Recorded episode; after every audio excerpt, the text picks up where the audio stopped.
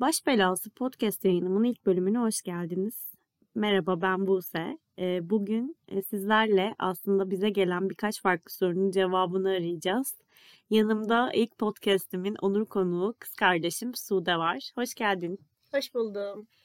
Ee, hızlıca sorulara başlayayım istersen. Birkaç farklı değişik sorumuz var. Onlar üzerinden e, giderek çözüm bulabiliyor muyuz? Bir deneyelim bakalım. Tamamdır. O zaman ilk sorumla başlıyorum. Başla.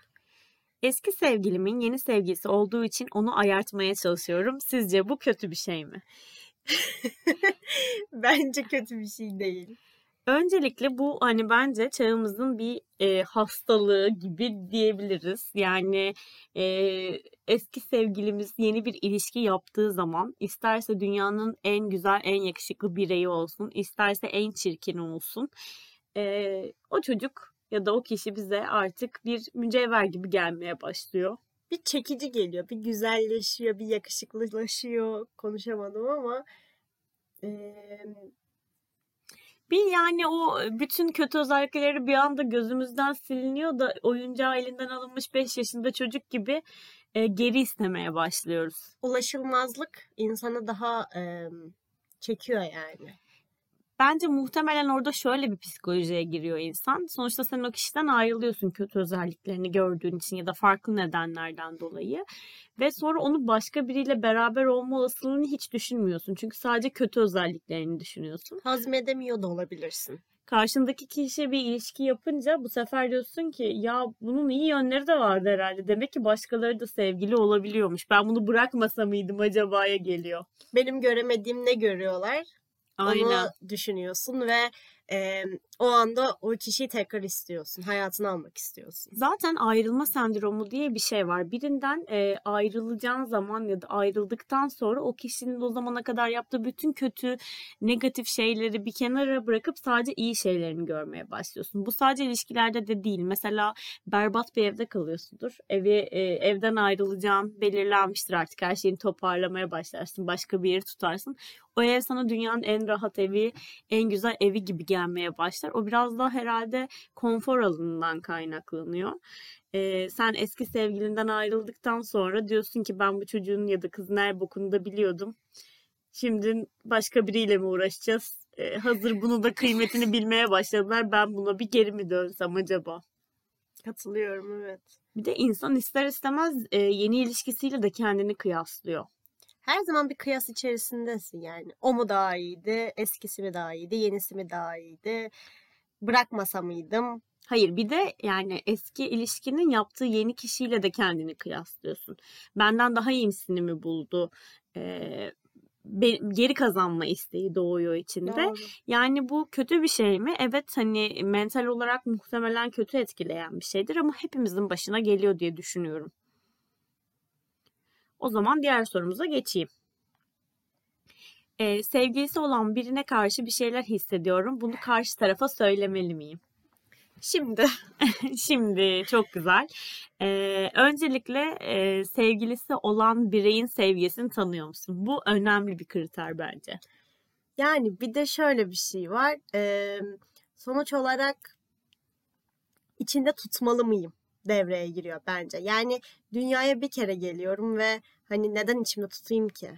Burada bazı sınırlar olduğunu düşünüyorum. Söyleyeceksen de eğer dediğin gibi içinde kalmasın. Sen de hayata bir kere geliyorsun ve belki de ciddi duygular hissediyorsun karşındakine. E, böyle dolup taşıyor içindekiler ve daha önce başka birine böyle bir şey hissetmedin. O yüzden söylemen gerektiğini düşünüyorsun.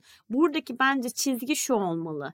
Söyleme şeklin ve e, ilişkisine duyduğun saygı. Bir de şu var karşındaki sana nasıl davranıyor? Evet o çok büyük bir önem yani eğer karşındaki ilişkisi olan kişi sana yeşil ışık yakıyorsa yani yeşil ışık yakıyorsa söylenmeli ama şu var benim aklıma şu da geliyor Tamam yeşil ışık yaktı. O sevgisinden ayrıldı. Siz yeni bir ilişkiye başladınız. Ya Her, başkasına da yaparsa. Herkese yakarsa. Ya evet. trafik ışıkları bozulduysa diye düşünüyor insan. Evet.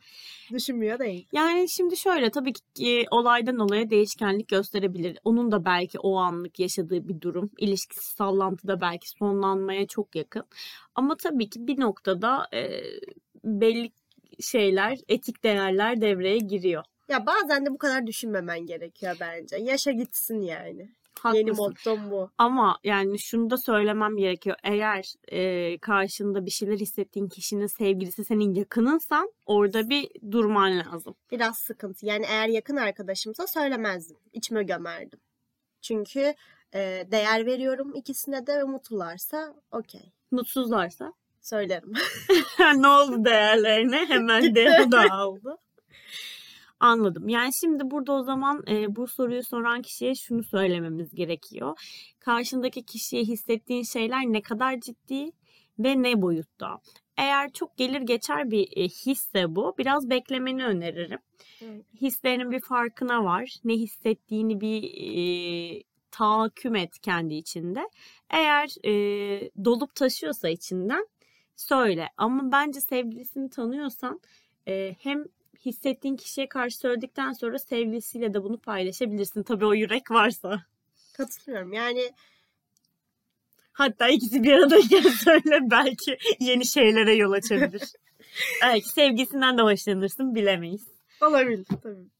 Peki o zaman diyoruz ki sen bir kendini önce tart ona göre bir yol haritası belirle. Belirleyemiyorsan bize tekrar yaz biz belirleyelim.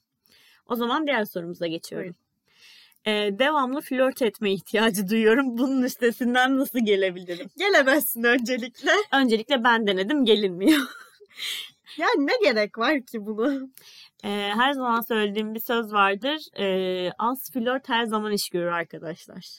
Yani hayatında ya herkesin bence flört etmeye ihtiyacı var. Yani kendini tatmin etme duygusu. Ne bileyim bir güzel bir iletişim kurmak herkese iyi gelir. Ee, şimdi şunu değinmek istiyorum. 90'lar nesli bilir. 2010'dan önce böyle bir şey yoktu arkadaşlar. İnsanlar bu kadar flört etmiyordu. 2010'da ne olduysa oldu. Artık bu app'lerin, Instagram'ın ve çeşitli sosyal medyaların hayatımıza girmesiyle beraber flört işi aldı başını gitti. Artık herkes flört ediyor. Ya birazcık da rahatlaştı bence insanlar. Biraz e, konfor alanları genişledi dediğin gibi bu app'ler sayesinde. Ve herkesin de ihtiyacı varmış. Bu da böyle bir şekilde ortaya çıkmış bulundu. Herkes e, piyasasını öğrendi diyebilir miyiz? Diyebiliriz. herkes aslında her e, talep taleplerin ne kadar fazla olduğunu farkına vardı. O yüzden bir de seçenek çok ya. Gerçekten günümüz dünyasında şu an seçenek çok yani. Eskiden böyle miydi arkadaşlar? Ben şu an bir Z kuşağı ile beraberim ama eskiden kimi görüyorsan çevrende onunla evleniyordun. Şimdi istersen gidersin Hindistan'dan biriyle evlenirsin yani. Ulaşmak artık çok daha kolay. Bu da İletişim. flörtleşmenin önünü açtı bence. İletişim aracı geliştikçe, iler, ilerledikçe e, ileriki zamanlarda da bence daha da kolaylaşacak. Ama şimdi bu flörtün de bir sınırı var. Şimdi devamlı flört etme ihtiyacı duyuyorsun da gidip mesela yakın arkadaşların dedeleriyle de anneanneleriyle de flört ediyor değil. musun? Ya da ne seviyede flört ediyorsun? Tabii ki yaşlı insanlarımızın da flörte ihtiyacı var. Bunu görmezden gelmeyelim. Her e, bir kap flört koyalım kapımızın önüne mutlaka. Ama Yani e, bir dozu var bunun. kesinlikle bir sınır olduğunu düşünüyorum. E, fazlasına kaçmadan bence flörte devam edebilirsin. Bunun üstesinden gelmene gerek yok Ya diyorum her ben. yerde de iş görür flört. Evet işlerini de görür ama sınırını çiz abartma diyelim. Devam et. Devam bak. edelim. Peki diğer sorumuz geliyor. Sevgilim sinemada en arkalar daha iyi olur dedi. Niyeti kötü mü acaba? Bayağı kötü bence.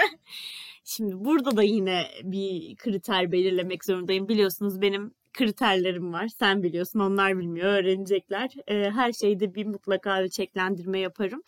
Şimdi sevgilinin tarzı çok önemli. Eğer sana çaktırmadan gidip arka taraftan biletler alıp aa gel sana bu bileti aldım gel film izleyelim diyorsa ve yaşınız da çok 35 plus değilse öyleyse red flag, flag olduğunu düşünüyorum ama eğer hani 16-17 yaşındaysanız ve e, sevgiliniz bunu çaktırmadan size yapıyorsa çok büyük bir sıkıntı olduğunu düşünmüyorum. Ya benim açımdan kabul edilemez bir durum. Ben bunu belirtmek isterim. Ya başka bir yer mi kalmadı? İlla sinema mı? Yani Neresi bence- olabilir? Önerilerini paylaş istiyorsan. Hayır da yani gerek var mı buna? Bilemem. E, gerek gerekir gerekmez bununla ilgili yorum yapmak bana düşmez ama e, şunu yapıyorsa niyeti kötü ya da itici. Mesela e, sana işte WhatsApp'tan sinemaya da arkalarda mı gitsek, göz kırpma işareti, dil çıkaran suratlar bunlar yapılıyorsa beni iter. Çok kötü. Yani onlar daha da rezalet. Ben direkt konuşmayı keserim. Yani tamam boynun ağrımayacak kadar ortalarda oturursun. Ama Tabii canım. gidip de Keko gibi en önde oturuyorsa zaten onu öncesinde yollayın bence. kesinlikle hani ne bileyim Burada benim önde oturmuşluğum var sinemada en önde ama benim gözüm görmüyor arkadaşlar o yüzden. gözlük diye bir şey var. E, unutmuşum evde ne yapayım? Bilmiyorum. O yüzden çok da kesin konuşmak istemem. Yani burada yine diyeceğiz ki karşındaki kişinin tavrına bağlı. Bir de senin hoşuna gidiyorsa istediğiniz yerde oturun. Ama seni rahatsız ediyorsa, bir rahatsızlık hissediyorsan oradan genelde kaçman gerektiğini öneririm ben. Söylerim ben. Yani derim. İlişkindeki partnerinin seni rahatsız hissettirmemesi gerekiyor. Buradan genç arkadaşlara da söylemiş olayım. Eğer karşınızdaki kişi size konf- konforsuz hissettiriyorsa o kişiden uzaklaşın arkadaşlar. Hiç gerek yok. Kaçın kaçın. O zaman diğer sorumuza geçiyorum. Gelsin. Ee, erkek arkadaşım son zamanlarda kavgalarımızı annesine anlatıyor. Ne yapmalıyım? Rezalet bir durum. E, çok da öyle bakmasak mı? Belki de Neden? başka arka- anlatacak kimsesi yok. Kimsesi mi yok? Yani bir arkadaş çevresi, bir dertleşeceği biri. Ya illa annesine, ebeveynine mi anlatmak zorunda? Şimdi annesinin yaklaşımı burada çok önemli bence. Tavır olarak. Yani düzgün telkinler veriyorsa e, bak bö- oğlum böyle böyle yapma. Bu şekilde davran gibi suçlayıcı olmadan objektif davranıyorsa bence bir problem yok. Ha bir arkadaşını anlatmış ha bir annesine anlatmış ama e, tabii ki yargılayıcı bir tavırla kin tutarak bir yaklaşım sergiliyorsa annesi orada bir sıkıntı var. Ya genelde jenerasyon farkı olduğundan kaynaklı hep oğlunu tutma e, şeyi hissiyatı geliyor galiba. Bilmiyorum ben öyle gördüm. Hep bir e, hele ki ailesiyle tanışıyorsan senin açısın, senin açından bir sıkıntı oluyor. E olabilir tabii çünkü karşı taraf sana bunu yansıtıyorsa tabii ki rahatsız hissettirici. Çok. Şimdi her detayını da anlatıyorsa o da zaten çok büyük bir problem. Hangi kavganızın ne detayını anlatıyor kim bilir. E, tercih eder miyim? Çok etmem ama e, tabii ki partnerim bunu tercih ediyorsa onun bir nedenini sorgularım. Hani annesine niye anlatıyor?